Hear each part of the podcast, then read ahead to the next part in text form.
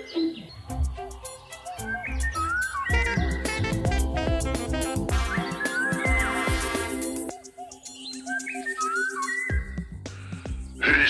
och välkommen till Pippipodden alla glada fågelentusiaster. Välkomna till Pippipoddens 20 avsnitt. Vi är nu framme i början av maj 2018. Och det är alltså drygt ett år sedan vi började med Pippipodden och vi är still going strong kan man väl säga. Och still going strong det är också Gullet idag. Han ser så nöjd och belåten ut så hälften kunde vara nog. Vad är det som har hänt idag som gör dig så, så belåten och så nöjd? Jo, idag var en väldigt speciell dag. Det var sydvästvind på morgonen så jag gick upp vid halv sex-tiden och sen åkte jag ut till havet, till Skälvik norr om Halmstad. Och så kom det massor med sjöorrar och en hel del svärtor. och Det kom en stormfågel och flera havssulor. Men det som var bäst av allt var när det kom två kustlabbar. Både en mörk och en ljus fas kustlabb precis förbi piren tillsammans. Och jag fick dessutom bilder på de här och det var nog årets roligaste eller häftigaste upplevelse för mig även om det var vanliga fåglar. Det är ju häftigt att se två sådana tillsammans. Och då har du ändå sett sådana här arter som större gulbena och knölsvärta i år och, och detta går alltså utanpå. Det måste du förklara. Ja, det går till och med före en eh, praktejder. Ehm, ja, hur ska man säga? Alltså labbar, det är ju som att de inte är av vår värld. Eller på något sätt. Det är ju väldigt speciella fåglar som man alltid riktar blicken till. Det är väl formen och färgen och sättet att flyga på. De är lite mytomspunna på något sätt. Tycker inte du det också? Jo då, visst det är väldigt häftigt att se en labb. De, de verkar kunna trotsa elementen på ett sätt som ytterst få andra fåglar klarar av. Alltså, de flyger i hårda vindar och de kan flyga i stiltje och det ser lika lekande lätt ut i hur omständigheterna än är. Men sen är det väl lite grann med det här med sjöfågelsträck också som eh, kittlar dig alldeles särskilt. Ja, det kan ju hända nya saker hela tiden. Man står ju alltså och tittar ut över ett vindpinat hav. Man ser vita gäss och vågor och det kommer änder och kanske vadare och labbar och trutar och tärnor eh, fram och tillbaka hela tiden. Just nu under våren är det ju sydsträcket och då står man gärna på morgonen och tittar ut från gryningen, kanske fram till lunch om det är bra streck. För då har man ju det här medljuset på västkusten särskilt. Mm. Ja, det är ju en stor fördel på, på västkusten. Och det där är ju en, det du nämnde att det är sydsträcket som vi tittar på. Det är ju någonting som eh, sätter myror i huvudet på vanligt folk. Att sjöfåglarna flyger söderut på våren. De borde ju flyga norrut tänker man. Men det är väl så med de här sjöfåglarna att de hellre flyger långa omvägar för att ha sitt eget element under sig. Så de kan till och med runda Sverige på sin väg upp i Östersjön. Eh, du nämnde också att det var en ljus och en mörk eh, kustlabb. Och eh, det är ju intressant att i Östersjöområdet så är det ju nästan enbart mörka kustlabbar. Jag tror att procenten ljusa är under 5 Alltså bara var tjugonde labb är en ljus morf eller ljus fas som man sa förr. Eh, sen när man kommer upp på tundran så är det nästan det omvända förhållandet. Där är det fler ljusa än mörka. Och det här det är ju någonting som är lite märkligt också att vissa fågelarter har olika färgmorfer. Mest känt är det kanske hos ormvråkarna. Vi pratar ju om de här ljusa börringevråkarna och som gärna finns i lövskogsområden och lite rikare marker och så kommer vi längre norrut i Sverige så är alla ormvråkar mörka. Och varför det är så här det tror jag inte forskarna riktigt har rätt ut än. Men tillbaka till det här med din fascination för sjöfågelsträcket. Jag är ju själv uppvuxen här på västkusten och har levt med sjöfågelsträck sedan jag var liten parvel egentligen. Du kommer från inlandet och du är ändå mycket mer fascinerad av detta än vad jag är. Jag gillar det men, men jag har inte den där enorma magneten som drar mig ut så fort det börjar hetta till lite grann. Nej, det kanske är för att du är född och uppvuxen här. Du har blivit bortskämd från början eh, kanske. Vi har inte haft de möjligheterna att titta på sjöfågelsträck i Hultsfred i Smålands inland under min ungdom. Men sen just det här med labbarna och mörka morfer eller faser och ljusa morfer eller faser som man säger. De här mörka labbarna kommer ju först. Det är ju de man ser i eh, skiftet mars-april och sen en bra bit in i april. Sen kommer de ljusa lite senare. Vad beror det på? Nej men det är väl för att de mörka är på väg till Östersjön. Medan de ljusa är på väg längre norrut. Och för de ljusa labbarna så är det ingen, finns det ingen idé att ge sig iväg tidigare. Utan det är ju först när markerna börjar bli tillgängliga uppe på tundran som de flyttar iväg. Eh, för ett par år sedan så deltog jag i en havsfågelräkning nere i Portugal och vi hade väldigt mycket labbar. Eh, men under den perioden då i september när jag var där så var det fortfarande en stor övervikt av mörka kustlabbar. Medan när det gällde de bredstjärtade labbarna så var det en ännu större övervikt av de ljusa. Där var det bara några få procent mörka labbar. Ja, en sak som såklart hade slagit den här kombinationen av en ljus och en mörk kustlabb är ju såklart en ljus och en mörk bredstjärtad labb. Det hade tagit sig ännu högre upp mm. på upplevelsetronen eller vad man ska säga. Jag hoppas ni förstår lite grann av det här med fascinationen för havsfåglar och sjöfågelsträck. Det är, det är häftigt även om jag som kanske båtskämd sedan barnsben inte har riktigt samma sug som Kristoffer har. En annan sak som jag tänkte på som är aktuell just i den här tiden i månadsskiftet april-maj, det är ju svartvit flugsnappare. Jag har inte sett en enda svartvit flugsnappare i år. Har du gjort det? Nej, jag har inte heller sett någon än. Den eh, tycks minska. Ja, i alla fall om man ska se på förhållandena här i sydvästra Sverige och även i Danmark. Danskarna är ju klara nu med sin tredje atlasinventering. Vi har ju i hela landet i Sverige har vi ju bara gjort en atlasinventering. I vissa delar har vi gjort två. Men danskarna har gjort tre stycken heltäckande. Och ett av resultaten av den här sista undersökningen är att de har upptäckt att svartvita flugsnapparna har gått mycket kraftigt tillbaka i Danmark. Och vi har samma förhållande här på svenska västkusten. I alla fall att döma av en av de längsta holkstudierna vi har, den har pågått sedan början av 1960-talet. Och där har alltså antalet häckande svartvita flugsnappare mer än halverats sedan slutet av 1900-talet på bara 20-25 år. Har man inte sett på Öland också att halsbandsflugsnapparen alltmer konkurrerar ut svartvit flugsnappare på ön? Jo, men där är det nog andra eh, saker som spelar in eller som orsakar det här. Alltså att halsbandsflugsnapparen är lite starkare, lite tuffare och eh, klarar av att eh, utmanövrera svartvit. Här har vi ju inte den konkurrensen utan här minskar de svartvita flugsnapparna av något annat skäl.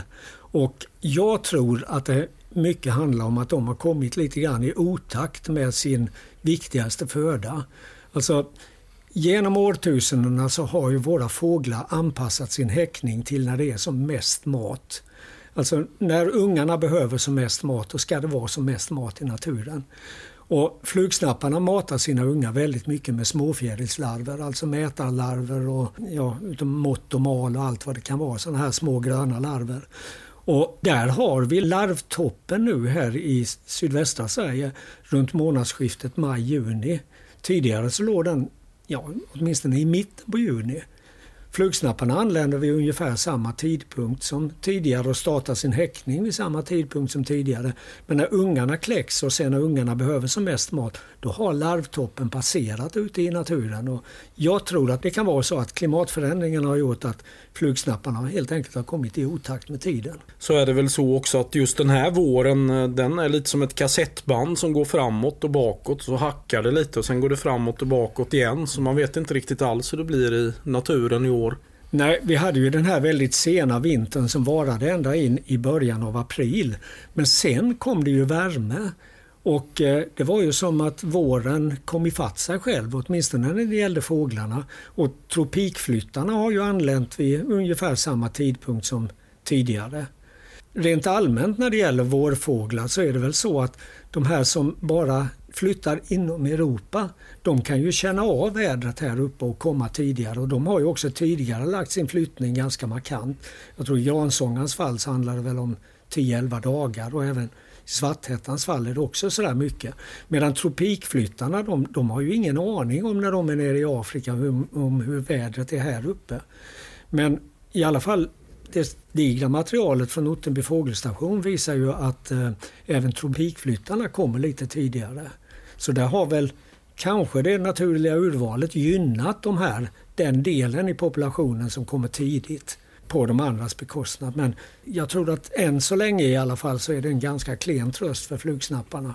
Även om en och annan, ett och annat par kanske klarar av att häcka när det är som mest optimalt. Och du har ju varit involverad i och skrivit ihop den här Sveriges fåglar 2018. Hur det går för Sveriges fåglar och hur de påverkas av klimatförändringarna. Varför har man gett ut en sån? Ja, tanken är att vi ska följa den svenska fågelfaunan varje år och ge ut en, en motsvarighet till det som i Storbritannien och USA kallas för the state of the birds. Alltså tillståndet för fågelfaunan. Eh, vi kallar den här bara för Sveriges fåglar och så årtalet då. Och det är BirdLife Sverige som... Ja, det är BirdLife Sverige som ger ut den här tillsammans med Svensk fågeltaxering och med hjälp också från Artdatabanken och några av våra fågelstationer. Och I år så valde vi att fokusera på klimatförändringarnas påverkan på fågelfaunan men vi ger också siffror på hur eh, fågelfaunan har förändrats art för art. Alla de cirka 250 arterna som häckar i Sverige. Och det som jag tycker är mest intressant i den här rapporten det är att under de senaste tio åren så har det börjat gå ganska dåligt för många skogsfåglar. Och alldeles särskilt de skogsfåglar som är lite mer specialiserade i sina biotopkrav. Generalisterna, de som klarar av de flesta olika biotoper, de går det bra för. Men för barrskogsmesar som talltita och lappmes och för, för hönsfåglar som tjäder och orre så börjar det gå dåligt och det ser faktiskt ganska illavarslande ut. Det känns lite just nu som att det bara går bra för stora fåglar som tranor och sångsvanar och grågäss. Ja, men det, det, är ju en helt annan sak. De gynnas ju av den europeiska jordbrukspolitiken. Jag lyssnade till Martin Gren från Lunds universitet för någon vecka sedan och han beskrev det västeuropeiska jordbruket som gåsfabriker. Alltså det produceras så mycket mat åt gässen så att det blir nästan total överlevnad under vintern för alla gässen som övervintrar där. Jag nämnde ju nyss att jag hade lyssnat till Martin Gren från Svensk Fågeltaxering häromveckan. veckan. Och vid samma tillfälle så träffade jag även Linda Birkedal som är ordförande i Skånes naturskyddsförening och också ordförande i det skånska storkprojektet. Och där har det ju börjat hända saker nu. Ja, Linda Birkedal, ordförande i Skånes naturskyddsförening och i det skånska storkprojektet. Kan vi nu säga att storken är tillbaka i Skåne? Det kan vi göra. Vi har fått officiellt bekräftat detta eftersom den inte längre är rödlistad som utdöd från Sverige. Så det kan vi säga, den är tillbaka. Ja. Men är den tillbaka på stabil och säker grund? Det däremot eh, är den inte. Eh, vi hade nu i somras så hade vi 71 par storkar som häckade ute i det fria i det skånska landskapet. Vi har med hjälp av forskare från Lunds universitet kommit fram till att det behövs 100 till 150 par häckande fria storkar som dessutom flyttar söderut på hösten för att man ska kunna säga att ja, nu bör de kunna klara av tillfälligt dåligt väder under häckningen och sådär. Så vi är inte riktigt i mål än. Hur, eh, hur många ungstorkar produceras det nu varje år? Alltså det, det är ju det, förutom de här frihäckande storkarna som du berättade om så finns det ju fortfarande storkar i hägn. Och hur många unga blir det av de här? Ja, de senaste åren mellan 2011 och 2017 så har hägnstorkarna producerat 100 ungar ungefär i snitt som har flyttat söderut på hösten. Sen är det då också de här frihockande storkarna som, som får fram ungar. Vet ni hur många det är? Har ni koll på hur många det är? Vi har koll på det, vi räknar. Nu har jag inte siffran riktigt i huvudet men eh, det är ju mer än en unge i snitt per par som klarar sig varje år. Målsättningen är väl att de ska få två ungar flyga per par. Riktigt där är vi inte men eh, det tror vi egentligen hade varit det som behövs. Men, men det flyttar alltså ut då någonstans i storleksordningen 170-200 ungar varje år alltså. Hur många av dem återvänder? Ja, vi är också ute och räknar och ser hur många som kommer tillbaka. Det har inte varit, eftersom de stannar borta i tre år innan de kommer tillbaka som könsmogna, så har vi inte riktigt stabila resultat. Men det handlar om ungefär 10 procent av de som flyttade ut som kommer tillbaka och ger sig på att häcka här i Sverige. Det är ett ganska tufft liv för dem alltså under flyttningen och under den här perioden då nere i Afrika eller i vinterkvarteren, alltså de här första åren. Ja det är det. Just när de är ute på sin första flyttning då är det många som stryker med. Men sen har de väl klarat en flyttning då brukar det gå mycket bättre. Så att eh, en stork kan bli sådär 20-25 år och har de väl klarat den där första flyttningen så brukar det gå bättre sen. Så då kommer väldigt många fler tillbaka. Men en sak som är väldigt viktig också för, för storkens fortlevnad i Skåne det är ju att det finns miljöer där den kan leva. Finns det tillräckligt med våtmarker och finns det tillräckligt med andra marker där storkarna kan söka föda i och få tillräckligt med mat för att kunna föda upp sina ungar? Ja, eh, det är också den här samarbetet som vi har med forskare från Lunds universitet så är vår bedömning att det finns precis på gränsen så mycket våtmarker i Skåne idag så att de kan klara sig och därför jobbar vi också jättemycket för att det ska bildas och skapas mer storkmark i Skåne. Vi, bland annat nu jobbar vi och tar fram en broschyr tillsammans med Länsstyrelsen som markägare ska få.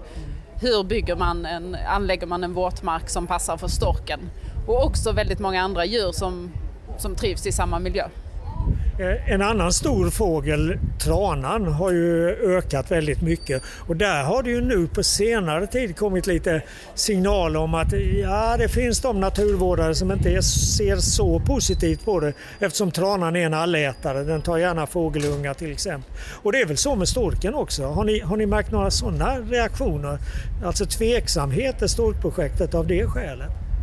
Hittills så har vi inte gjort det faktiskt. Eh, markägare är positiva, de tar inte djur som, som markägarna särskilt värnar om. Vår projektledare för Storkprojektet just nu, han är herpetolog, han älskar grodor, vilket ju annars är en sån djurgrupp som man kan fundera på att det kanske kan bli aktuellt med en konflikt. Men eh, vi har ännu inte sett att det blir reella konflikter och inte heller mött på något riktigt motstånd utan i och med att vi jobbar med storken som ambassadör även för dessa djur, att få till våtmarkerna både för grodorna och för storken så hittills har det i alla fall gått bra.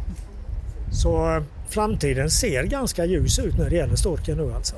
Ja, det tycker jag absolut att den gör.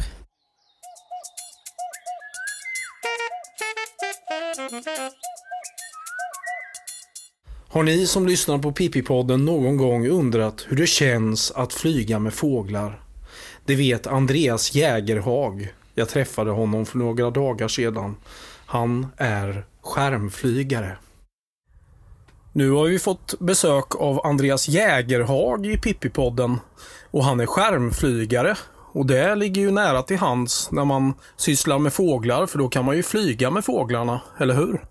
Ja, det får man förmånen emellanåt och helst kanske de stora rovfåglarna som flyger under samma förutsättningar som vi som vill ha tamik och andra uppvindar. Till exempel nere i Kåseberga när vi har sydvästliga vindar så då ligger rovfåglarna och flyger längs med strandkanten och vi försöker göra likadant.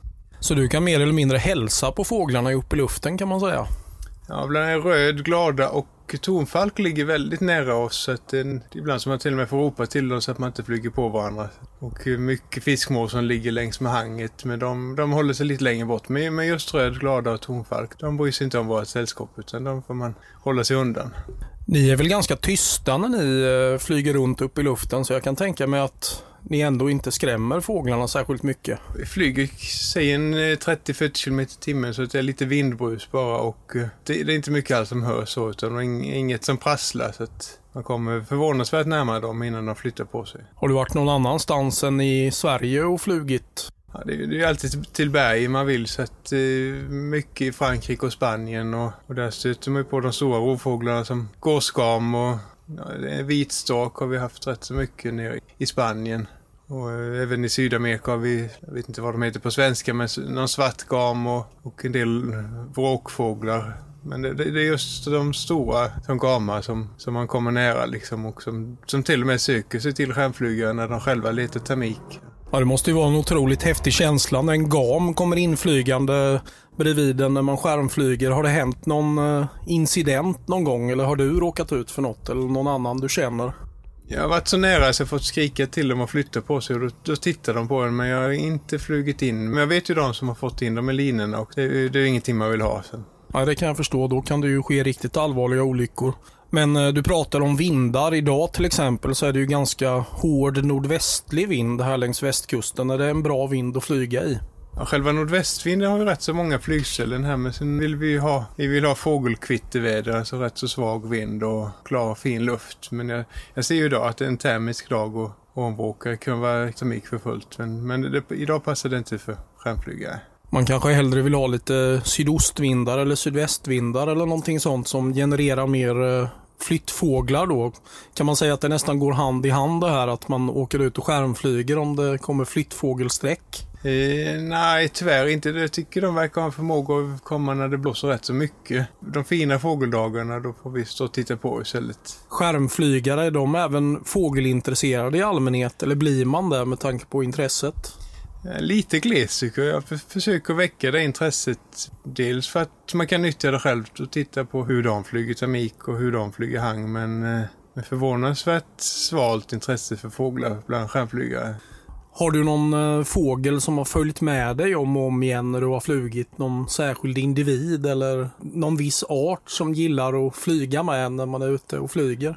Det skulle nog så fall vara gåsgam neråt Alperna för de, dels så finns det mycket stjärnflygare så att de är rätt vana vid det och, och söker sig ibland till stjärnflygare. Men sen de starkaste ögonblicken är när man själv har flugit termik och kanske helt plötsligt tittar man inte termik på ett tag och man kommer lägre och lägre och man vill vill gärna inte landa och behöva avsluta dagen. Helt plötsligt så ser man någon svala eller någonting som ligger i en termikblåsa 50 meter bort och så får man en, en sista räddning där och, och tar sig upp igen. Då.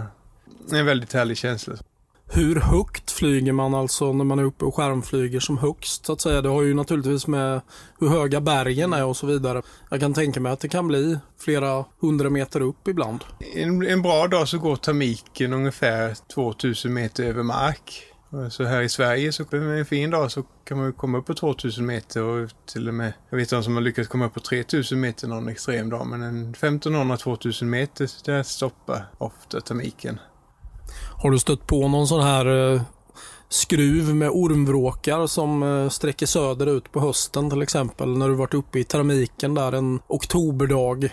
Jag har verkligen hoppats på att stöta på tranor men eh, jag har haft några enstaka ormvråkar och några röda glador i samma termikblåsor men just de här stora flockarna här hemma i Sverige har jag tyvärr missat än men och det låter verkligen som en extra dimension till fågelskådandet att flyga med fåglar. Så det får vi tipsa fler om att göra. Jag antar att man kan ta kontakt med dig om man blir intresserad av skärmflygning eller? Ja, och det är det bästa som allt annat. Googla lite på skärmflygning och kanske till och med skärmflygning med fåglar så kommer man hitta rätt så mycket. Och jag vet till och med i, i Nepal och där neråt har de haft organiserad flygning med fåglar och... Det låter som ett bra tips. Ja, vi tackar dig Andreas för att du ville medverka i Pippi-podden. Vi brukar ju även kasta ett öga på aktuell fågelforskning här i Pippi-podden och det gör vi inte avkall på i det här tjugonde programmet.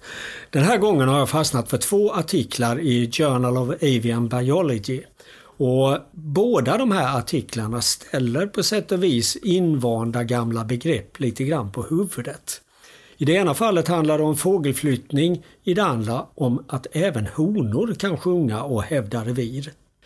Det har ju varit något av en absolut sanning att fåglars vårflyttning går betydligt snabbare än höstflyttningen. På våren gäller det ju att komma fram så snabbt som möjligt för att lägga beslag på de bästa reviren medan höstflyttningen helt saknar den typen av stressmoment. Men nu har finska fågelforskare kunnat visa att sydliga kärrsnäppor, alltså den här formen som vi kallar för Calidris alpina chinsi, och de här finska kärrsnäpporna de häckar på den finska sidan av Bottenviken och de har faktiskt mera bråttom på hösten än under våren. De finska forskarna satte ljuslågar på 26 stycken sydliga kärrsnäppor och de återfångade dem sedan när de året därpå återvände till häckningsplatserna. Det visade sig då att alla fåglarna utom en hade övervintrat i Mauretanien på de vidsträckta tidvattenområdena vid Bank. Vägen dit ner hade gått i längre och snabbare etapper och med färre stopp på vägen än vid resan tillbaka till Finland. Nio fåglar som bar sådana här ljusloggar under två år visade sig dessutom vara lika trogna sina vinterkvarter som sin häckningsplats. De återvände alltså i princip till samma plats både för häckning och för övervintring. Varför höstflyttningen går snabbare än vårflyttningen har forskarna inget säkert svar på. Men en intressant hypotes är att de här kärrsnäpporna, särskilt under höstflyttningen, är mycket beroende av några få men väldigt givande rastplatser. Om de här rastplatserna försämras väsentligt så skulle det kunna få väldigt allvarliga följder för de vadare som utnyttjar platserna. Och kanske är just detta en bidragande orsak till att den sydliga kärrsnäppan gått så kraftigt tillbaka i hela sitt fenoskandiska utbredningsområde. Just alltså att det har blivit en degradering av deras rastplatser. När det gäller den andra artikeln som jag ögnat igenom så handlar den om den nordamerikanska arten mörkögd junko som för övrigt sågs första gången i Sverige under förra året. I en tämligen nyetablerad urban och icke-flyttande population av mörkögd junko så utsatte man 17 frilevande par för ett experiment. Inom deras respektive revir placerade man ut burar med honor. I tre av paren så reagerade den etablerade honan väldigt starkt på inträngningen. Och revirhonan hon dök mot buren.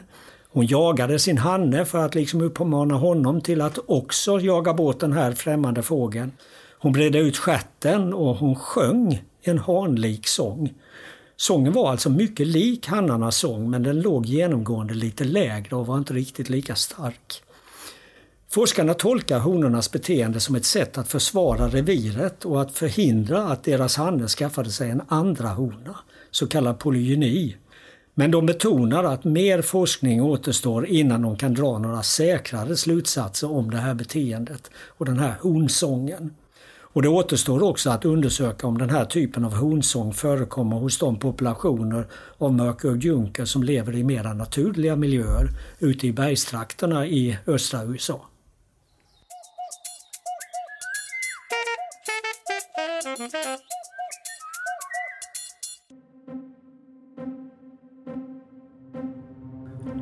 Vi hade chattat på nätet många gånger, men första gången jag hörde hans röst var när han ringde mig.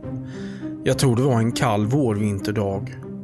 Jag kände förstås inte igen numret och det var en röst som sa Hej, jag ringer för att dela ut en gratis prenumeration på Svenska Dagbladet. Är du intresserad? Och detta sagt med ett efterföljande skratt som trängde rakt igenom min själ. Han var ung, några år yngre än jag själv. Han verkade kvicktänkt och inte minst talangfull på fåglar. Jag lade på luren och tänkte, vad fasen var det där? Det skulle dröja länge innan vi hördes av på telefon igen. Men på nätet fortsatte konversationer om musik, fåglar och dessutom ett och annat skämt. Men inte minst talade vi om en ö som låg öster om Stockholm som han besökte ofta. Landsort. Samtalen förde oss dessutom allt oftare ännu längre österut. Närmare bestämt till ön Gotska Sandön, norr om Gotland. Där skådade han ofta om vårarna.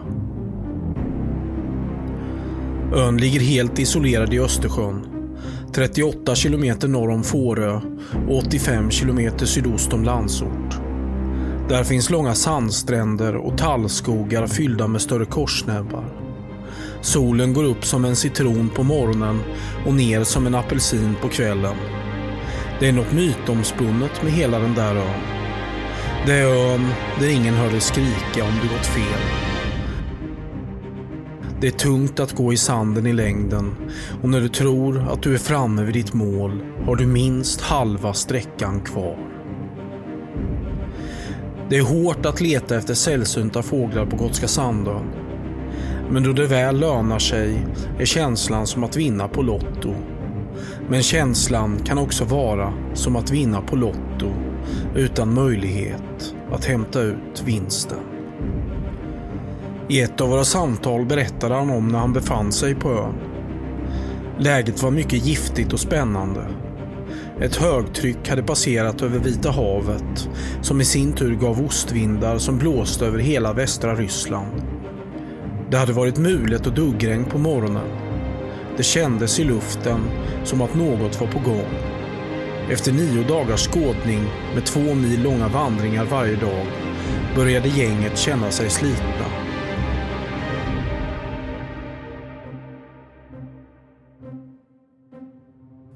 De skojade om att det alltid brukar hittas något tungt på Sandön under avresedagen. Han bestämde sig för att följa med två andra skådare till den nordöstra delen av ön som kallas Las Palmas. Därifrån skulle skådarvännerna ta båten till Fårö och han skulle vinka av dem. Längs vägen dit hade de nedfall av törnsångare samt några sävsångare och buskskvättor. I fyrbyn hoppade de omkring en flodsångare. Väl framme i Las Palmas tog han farväl av vännerna. Han rörde sig mot Säludden och kände vemodiga känslor inom sig efter att ha vinkat av sina vänner. Han fick dricka mycket under dagarna i värmen och det började trycka på i hans blåsa. Vid ett parti med strandtall som ligger innanför ett rågbestånd stannar han till för att lätta på trycket. Solen lyste honom i ansiktet och havets brus var nästan sövande i bakgrunden. Han var alldeles ensam. Inte en själ så långt ögat kunde nå. Svetten rann i hans panna. Helt plötsligt hörde han något som pladdrade i bakgrunden. Havet överröstade nästan pladdret. Han lättade på trycket och fågeln sjöng ett par strofer till. Adrenalinet började pumpa och han fick gåshud. Han gick runt dungen och spelade steppsångarsång och fick svar direkt. Han fick inte tag på någon av vännerna som lämnat ön. Havet brusade, solen gassade och svetten rann ännu mer. Han fick syn på fågeln i tallridån och kunde konstatera att det var en steppsångare en mycket sällsynt gäst från Österlandet. I hans glädje kände han förtvivlan över att han var alldeles ensam. Helst av allt hade han velat dela upplevelsen med sina vänner. Sångaren var helt plötsligt borta och återfanns aldrig igen.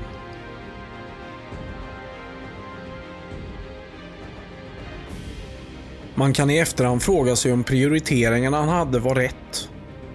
Skulle han ha sprungit till båten och hämtat sina vänner så fort han hörde fågeln? Skulle han ha tagit fram mobilen, det första han gjorde för att spela in, istället för att försöka säkra de visuella karaktärerna? Borde han ha skippat skissen han ritade för att istället få pejl på fågeln? Om han inte hade smackat eller spelat upp med högtalaren hade då fågeln stannat kvar? Ja, det är frågor som saknar svar. Senare samma dag tog han båten hem. Ön försvann i horisonten. Det var som om den sjönk efter att han lämnat den. Vinden blåste i hans långa hår som hade blivit ännu ljusare under de hårda dagarna på Sandön. Han satt tyst och bara funderade. Väl hemma vid sinken igen drog han ner persiennerna på sitt rum och låste dörren. Datorn sattes igång och han satt länge och suckade med huvudet i sina händer. Han gned tinningarna med pekfingrarna och insåg att det var dags att göra stordåd. Det hade varit dålig stämning lite för länge. Det var dags att försöka sig på något mer lovande. Han skulle skriva sitt livs raritetsrapport. Inget skulle få gå fel. Han skrev så mycket han kunde om allt kring fyndet av steppsångaren. Arterna som var lika steppsångaren uteslöt han en efter en. Han beskrev precis allt i detalj. I 16 dagar satt han och skrev. Han funderade allvarligt på hur lika en ekorre och en steppsångare faktiskt är om det avsnittet borde vara med i rapporten. I sista sekunden valde han att ta bort den delen innan han skickade in rapporten. Det skulle kanske bli den längsta rapport som raritetskommittén någonsin tagit del av. Jag har själv sett den och har aldrig sett på maken till en mer detaljrik och lång beskrivning. Nu inleddes en lång väntan på raritetskommitténs dom. Den kom till slut och rapporten blev underkänd för att dokumentation saknades. Alla andra fynd av steppsångare som godkänts i Sverige har haft någon form av fotodokumentation. Efter att domen kommit satt han på sin säng och spelade långa bassolon hela dagarna. Hans elbas blev hans enda vän där ett tag. Men en dag reste han sig upp från sängen. Han bäddade ner sin elbas under täcket och tog båten ut till Landsort. En höstdag hade han en sibirisk piplärka som även fick glädja andra. Detta är berättelsen om en sjukt lovande man från Zinkensdamm. Han är ofta ensam där ute på Landsort och jag skickade honom i höstas några värmande ord. Jag ska tänka på dig. Jag ska tänka på dig då du går där i mörkret och sätter upp nät i din ensamhet på ön. Då du står i kvällningen och tittar ut över en ö där allt mörknar. Jag ska tänka på dig då du får uppleva solens första strålar över havet varje morgon, ackompanjerad av höstens lockande gransångare. Jag ska tänka på dig då du förtröstar eller gläds, eller då du gråter eller skrattar över en starrsångare. Jag ser framför mig en man med ett virvlande långt hår som slår i vinden. Med en fokuserad blick som längtansfullt tittar österut. En man som vet vad han vill. En man som vet hur en Caligata lockar. En man som spelar bas, ringmärker och skådar. En man som är den där ön. Ön är som ett pussel och du är sista pusselbiten. Jag tror på dig.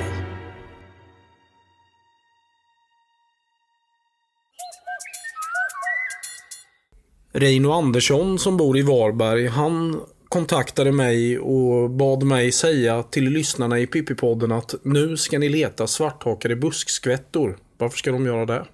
Jo, det är ju en av de här arterna som har expanderat väldigt mycket på senare tid. Den har etablerat sig som häckfågel i Sverige efter millennieskiftet. Och de första åren så gick det ganska trögt. Det var några få häckningar och den häckade inte varje år.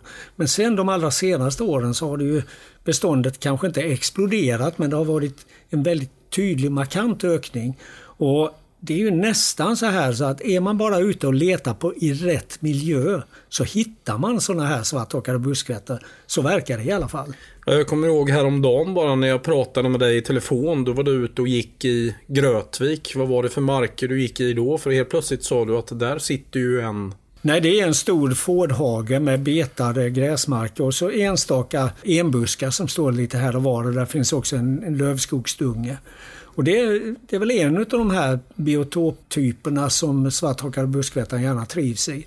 Den vill gärna ha lite buskar där den kan sitta och spana. Men sen ska det inte vara för mycket vegetation på marken.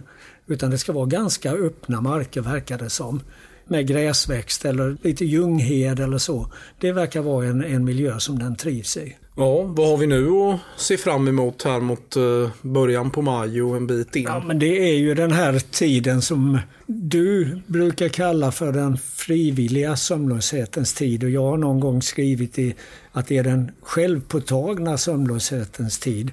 Och det är ju den där tiden då man egentligen vill vara vaken dygnet runt för det händer så oerhört mycket ute i naturen. En sak som jag ser fram emot väldigt mycket varje år vid den här tiden, trots att jag har upplevt det massor med gånger, det är sträcket av lommar och tärnor i Mellbystrand i Laholmsbukten. Det är något utav det mäktigaste man kan uppleva faktiskt i den svenska fågelvärlden tycker jag. Och det är någonting som jag tycker att alla fågelskådare bör satsa på att uppleva någon gång i alla fall. Att se en sån här flock med kanske 2000 smålommar som likt en myggsvärm drar in högt upp på himlen in över land mot fjärran mål borta i Ryssland. Det är, det är väldigt, väldigt häftigt alltså. Vår lokala fågelförening, Halmstads ornitologiska förening, har en årlig exkursion till Mellbystrand med lomsträck. Söndagen den 6 maj kommer den infalla i år. Mm. Och då är det dessutom eh, bröderna Bandi som är exkursionsledare.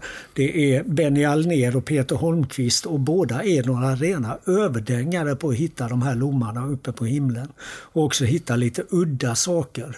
Så det där är någonting som vi verkligen vill bjuda in er att medverka medverka vid. Men det gäller att vara uppe tidigt. Man ska helst vara på plats vid bunkern som vi kallar det i södra Mellbystrand nedanför restaurangstallet redan klockan fem på morgonen. Då har man chansen att vara med om det här spektaklet. Hur går det till rent tekniskt höll jag på att säga med de här eh, smålommarna? Hur ser man dem nere i Mellbystrand? Alltså man står och spanar upp mot himlen så att man nästan får nackspärr. För att fåglarna har tagit kraftig höjd redan när de kommer in över stranden. Alltså de kan vara säkert uppe på en kilometers höjd. Men i och med att det är en sån här stor myggsvärmsliknande flock va, så ser man ju dem ändå när man, väl, när man väl har hittat dem. Det är lite grann som när man är ute och plockar svamp på hösten. Hittar man en så hittar man många. Och eh, det är så med det här lomsträcket att får man väl syn på den här flocken så, så ser man ju liksom att den täcker nästan hela himlen. Och det är, det är ett sånt makalöst eh, skådespel. Alltså. Det tycker du är roligt alltså? Ja, det tycker jag är roligt. Men sjöfågelsträck tycker jag också är roligt. Även om jag inte har samma enorma dragningskraft ut till det som du har. Och sen kan det dyka upp russin i kakan med där tidigt på morgonen i Mellbystrand va? Ja, vid några tillfällen så har vi sett både bredskötad labb som du pratade om tidigare och eh, vitnäbbade islom.